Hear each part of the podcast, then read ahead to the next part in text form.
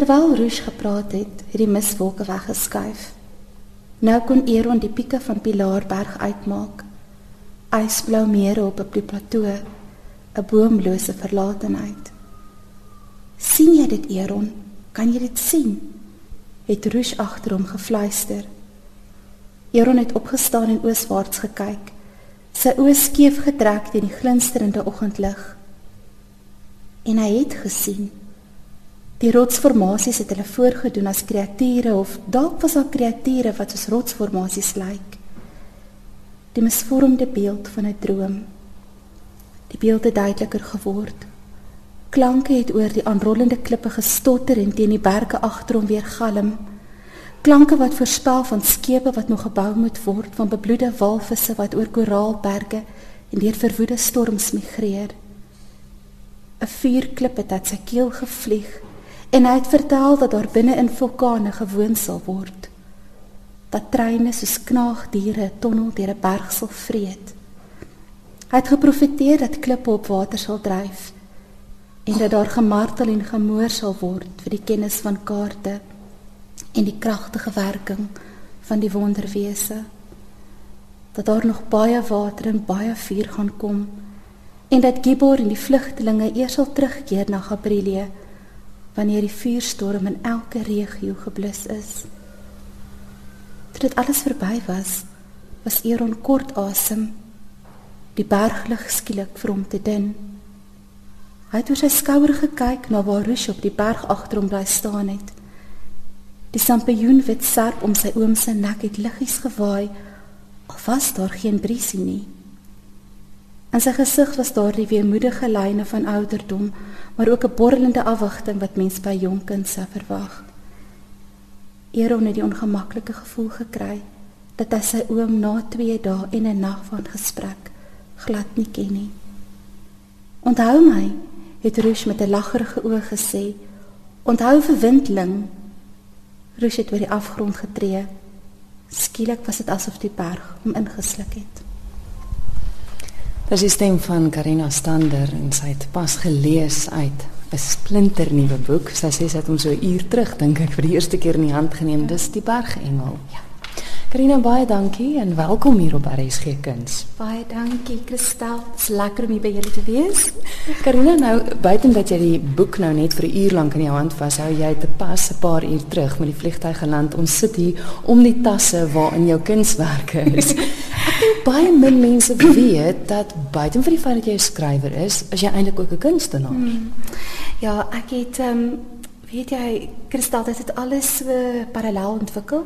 Toe ek 'n kind was, het my ouers begin om vir my uh, in die bosveld in platteland in op die plaas, het hulle begin om vir my opdragverse te gee en my betaal vir opdragverse en ehm um, en ook kaartjies te skryf en vir elke groot geleentheid in die gesin of familie van troues tot begrafnisse tot jy weet die dood of bevordering of wat ook al gebeur het en en dan het hulle my daarvoor betaal.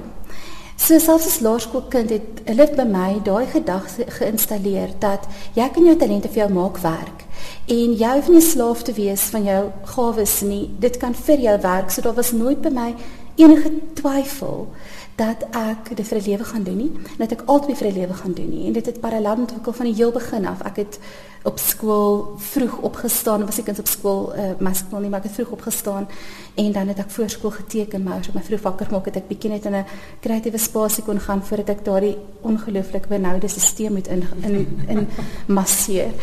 Uh ek het byvoorbeeld pottebakkerslas gehad want was kind op skool nie en dan het ek aan die einde van elke kwartaal as ek my pottebakker goedjies kry, het moes ek 'n winkeltjie gehou het op die plaas en dit self opvat en vertel hoekom dit werk dis en wat is die proses daarvan.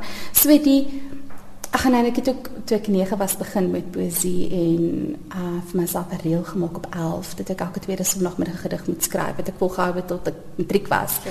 So ek was net totaal nog gefokus op dis wat ek wil doen en um as dit is wat ek wil doen, gaan ek ekstra baie moet insit daarvoor. So ek het myself hierdie niemand het vir my die reëls gemaak nie anders sou ek dit waarskynlik nie gedoen het nie. Maar ehm um, dat ek elke ehm um, elke 2 weke moet ek myself as ek 'n nuwe digmiddel lees en so ek het op 11 het ek die groot verse boek met 'n woordeboek deurgelees.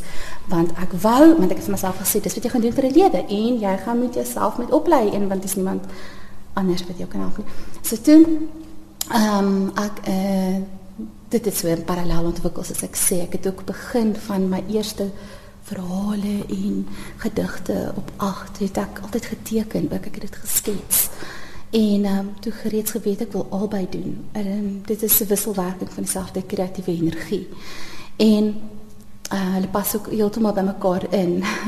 die een vat waar die ander los. Uh so toe ek toe ek 16 was, het ek gehoor van die ATKV skryfskool en dit op Potch en dit was vir groot mense. En ek wou verskriklik graag gaan. Um, maar dit het R900 gekos en in 1992 was R900 baie geld. Dit ek vir 'n jaar lank kuns gemaak en verkoop om te kon spaar om te kan gaan. En toe gaan ek, ek is die enigste skoolkind en ek hoor vir Krog en en Pieterse en Melanie Grobler lesings gee in my kop blaas oop. En ek begin al meer en intensiewer te skryf en ook kortverhale te skryf wat ek toe ingeskryf het vir kompetisies. Met die kompetisiegeld het ek wat ek gewen het het ek my kunsmateriale gaan koop en dit was hoe die een die ander net aanhou voet het. Met kuns het my by die skryfskool gekry. Skryfskool het ek se geld het ek my kuns gekoop. En toe ek later wou dit ek kan kuns wat by te kies ehm um, by Universiteit van Pretoria en ek het gehoneers in beeldhou en ek wou vreeslik graag ehm um, Duitsland toe gaan want ek het van die Duitse surrealistiese kunstenaars gehou en ek wou die werklike waar werk in my oë gaan aanskou. So toe gaan ek in die skrootwerf van Pretoria in en ek gaan ehm um, maak ou moere en skroewe bymekaar en smel dit op en maak bronsbeelde en verkoop dit. Gaan Duitsland toe vir 3 weke, 'n regte ou rommelraper met die geld. En toe ek in Duitsland is, toe skryf ek 'n kort verhaal oor fiktiewe verhaal in Duitsland wat daar afspeel, maar wat toe voorgeskryf is vir skole. Toe kry ek 'n allemintige, ek dink was R13000 wat baie is vir my. Daai tyd was dit hoog. En daarmee het ek my eerste grinders en my eerste behoorlike stel buitels en goeie verf en goed gekoop. So werklik waar kan ek sê die een het mekaar die een het die ander nodig. Die, ah, die een is ook Hulle is mekaar se krikke. Ja. Kind visuele kuns en kreatiewe skryfwerk is mekaar se krikke. Hulle voed mekaar, maar hulle is ook ontvlugting van mekaar. Want ek raak soms so moeg om so ek is so lief vir mense. En skryfwerk is so eensaam en dit is alleen en dit is so intellektueel. En ek raak so moeg om so slim te wees.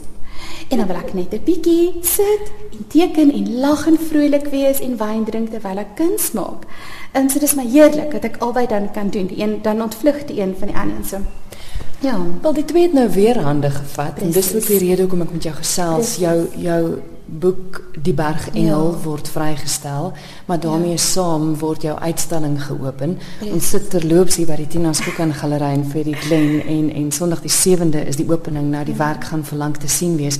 En jy vertel vir my dis inkwerke, dis ja. alles swart en wit waarna ja. ons nou kyk en dit is alles grepe uit die boek, verstaan ja, ek reg? Presies.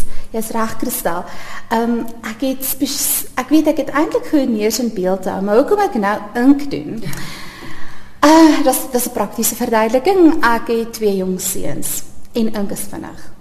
En jy weet jy kan dit jy kan dit doen voordat jy vir hulle aandete te voer kan jy so dit is 'n praktiese oorweging dit is 'n dit is 'n bekostigbare medium ook vir die kindskoper maar ek dink die ding van ink wat vir my regtig ook aangetrek het is die meta metamorfiese aard daarvan. Dit is 'n kuns in wording. Die ink vloei hy het 'n lewe van sy eie En ek hou van daai gevoel van metamorfose. Alles is 'n proses van wording want dit is ook wat in my skryfwerk gebeur. Ehm um, my my vir my meestersgraad was my dosent Joan Hambidge en sy het altyd vir my gesê, jy weet Karina, jou grootste talent is dat jy jou waansin kan bestuur. nou, nou dit sê reg en dit is toe sê my man vir my, jy weet, hierdie ink doen presies dit. Dit is waansin, die ink gaan waar dit wil, maar jy bestuur dit. Maar dit is ook ink en dit is papier en dit skryf, so dit pas ook vir my konseptueel ook baie goed aan by skryfwerk. Ehm um, so ja, dis ons inkwerke, elke aanhaling, elke titel van hierdie 33 werke kristal is aanhalings uit die boek uit. Ek het my vorige ehm um, na my meesters het ek eers twee digmiddels uitgegee en toe ehm um, en toe 'n roman en ek het hulle al drie het ek ook met swede kunsuitstallings het ek ook bekend gestel wat grepe uit die boeke was en um karakters uit boeke of tonele of gedigte wat ek wat ek dan nou visueel verbeeld het. So woorde word beelde, dit word eintlik verbeelde woorde. So um of verbeelding op op daai manier. So ek dink um wat hierdie boek wel betref is hy ek het eintlik aan hom begin skryf toe ek klaar kuns gestudeer het, het ek my magdom studieskuld gaan afwerk in Cambridge en in die Skotse Hoogland.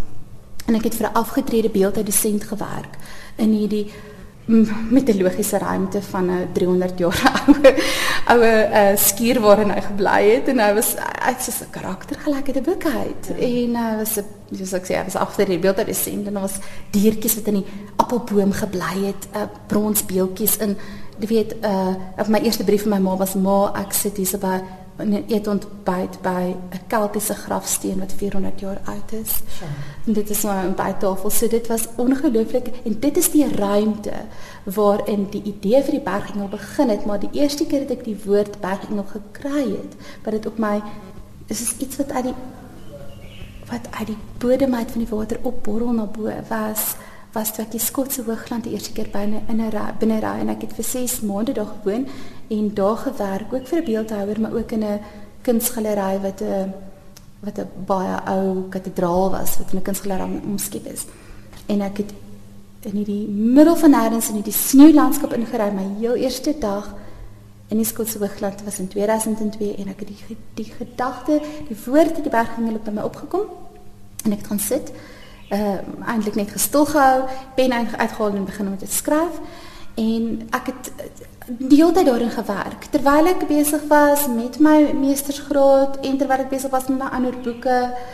Ehm um, het ek konstant ehm um, aanhou skryf in die Bergengel deur die jare en ook uh, baie baie journalistiek en veral reisjournalistiek intussen gedoen wat ek ook betrek want dit is eintlik die Bergengel is 'n reismistiek dit is 'n reisverhaal, ehm um, maar dit is 'n mistieke reisverhaal en dit is 'n allegorie of 'n gelykenis of 'n uitgebreide metafoor. So dit is nie dit is wel 'n coming of age verhaal, maar dit is nie 'n jeugboek nie, soos wat 'n boek soos kom ons sê die klein prinsie ja. of soos binne van Katorin uh, is nie 'n jeugverhaal um, noodwendig nie, maar die hoofkarakter is 'n seun en dit is nie fantasie nie. Kyk, dit is nie Narnia, daar's nie trolle en en goede nie.